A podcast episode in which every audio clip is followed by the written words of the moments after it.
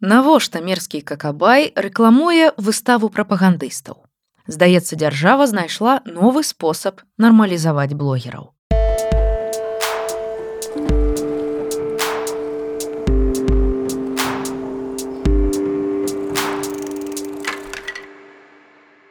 У пачатку студзеня 2024 стала вядома, што беларускіх блогераў, якія публікуюць на сваіх старонках рэкламу, хочуць уключыць у спецыяльны рэестр. А сярод саміх блогераў пачаліся размовы, што дзяржорганы змогуць выкарыстоўваць іх у сваіх мэтах.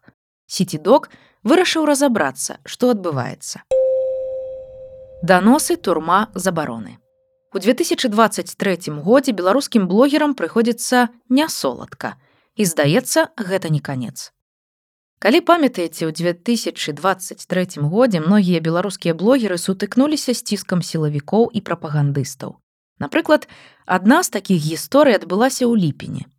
Папулярнага ютубера дмітрыя сіўчыка ён жа дзім дзімыч у якога два мільёны подписчикаў у тикток родзінская прапагандыстка бондарова абвінаваціла ва ўтойнай прапагандзе лгбт І асноўная прэтэнзія была ў тым, што хлопец у сваіх роліках з'яўляецца ў адзенні ружовага колеру. Свае скаргі прапагандыстка напісала ў мус міністэрства адукацыі і міністэрства гандлю. Пасля гэтага тавары з рэкламнай інтэграцыяй інфлюенсера і еўраопта былі зняты з продажу. А ў лістападзе на сваёй старонцы ў нстаграм у тикток таксама хлопец апублікаваў пост, у якім паведаміў, што дзім дзімыч сыходзіць назаўжды. Пры гэтым ён зняў з сябе ружовае адзенне і спаліў яго.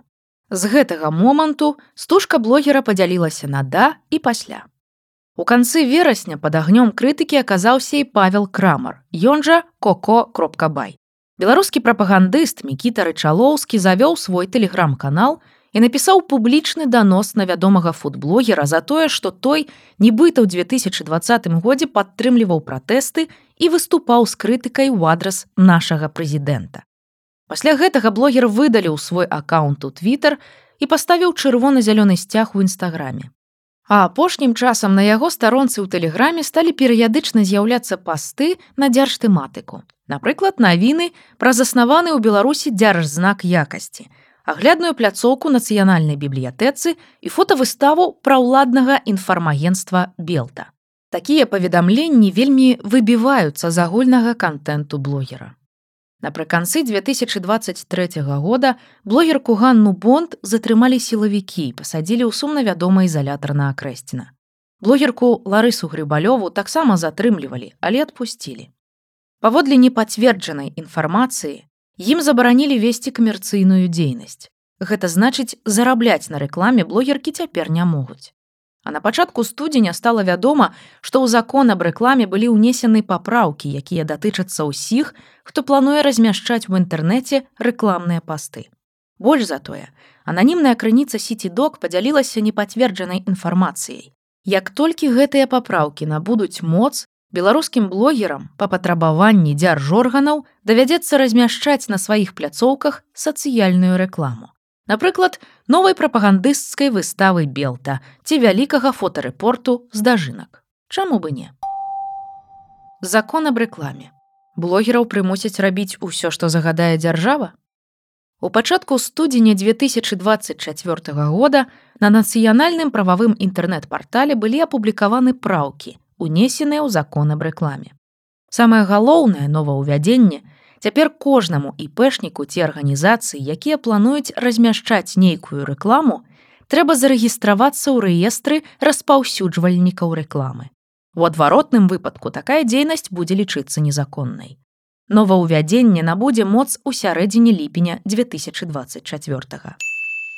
Варта адзначыць, што рэестр існуе з 2022 года. Яго можна знайсці на сайце міністэрства антыманапольнага рэгулявання і гандлю марх. Але цяпер у яго занесены ў асноўным сМ арганізацыі прыватныя прадпрыемствы і некаторыя іп іх пакуль зусім няшмат. Паводле ананімнай крыніцы сітідок сярод блогераў мінска курсіруе інфармацыя. Маўляў трапіўшы ў рэестр інфлюенсеры абавязаныя будуць размяшчаць інфармацыю ад дзяржорганаў. Напрыклад, інфармацыю пра дзярж святы і іншыя важныя для краіны мерапрыемствы і даты. Пра гэта кажуць тыя, хто ўжо звяртаўся ў міністэрства. З афіцыйнымі крыніцамі гэтая інфармацыя крыху разыходзіцца. Пасля таго, як папраўкі ў закон аб рэкламе былі апублікаваныя, на сайце Марх з'явіўся каментарый наконт асноўных новаўвядзенняў. Вось што кажа ведомства. Для рэкламы распаўсюджвальнікаў уводзіцца абавязак забяспечваць па патрабаванні дзяржаўных органаў размяшчэнне на прыналежных ім сродках вонкавай рэкламы сацыяльнай рэкламы дзяржаўных свят, агульнарэспубліканскіх святочных дзён і памятных дат, а таксама сацыяльнай рэкламы ў сферы забеспячэння дзяржаўнай і або грамадскай бяспекі. Тут неабходна разабрацца, што такое вонкавая рэклама. Згодна з законам, гэта рэклама, якая размяшчаецца з дапамогай сродкаў вонкавай рэкламы на знешніх баках будынкаў, па-за будынкамі і ў падземных пераходах. Гэта могуць быць афішы, шыльды, рэкламныя шчыты, электронныя табло, кранштэйны і іншае. А паколькі блогеры размяшчаюць рэкламу ў інтэрнэце, усё пералічанае не мае да іх дачынення. Навошта наязджаць на блогераў? Каму гэта выгадна? Як адзначыла ананімная крыніца, пакуль інфармацыя, пра якую яна нам паведаміла, існуе на ўзроўні чутак. Але тут да галавы прыходзіць кокобай, які на старонках сваіх садсетак усё часцей стаў размяшчаць інфу пра дзяржмерапрыемствы. Мне здаецца, што беларуская ўлада нарэшце зразумела, што інтэрнэт існуе. У ім, як вядома, ёсць свае гульцы і камунікатары, іранізуе доктарка філалагічных навук і медыяэкспертка Ірына Сідорская. Сёння нельга працаваць беларускай аўдыторыяй толькі праз тэлебачанне ці друкаваныя сМ. Існуюць блогеры і ютуберы, пра дзейнасць якіх рэжым яшчэ даўно павінен быў паклапаціцца. У лютым 2024 года ў Беларусі адбудуцца парламенцкія выбары. Для мяне не дзіўна, што менавіта цяпер адбываецца больш узмоцнены кантроль інфармацыйнай прасторы. Улады спрабуюць выявіць тых блогераў, на якіх яны могуць разлічваць і абапірацца.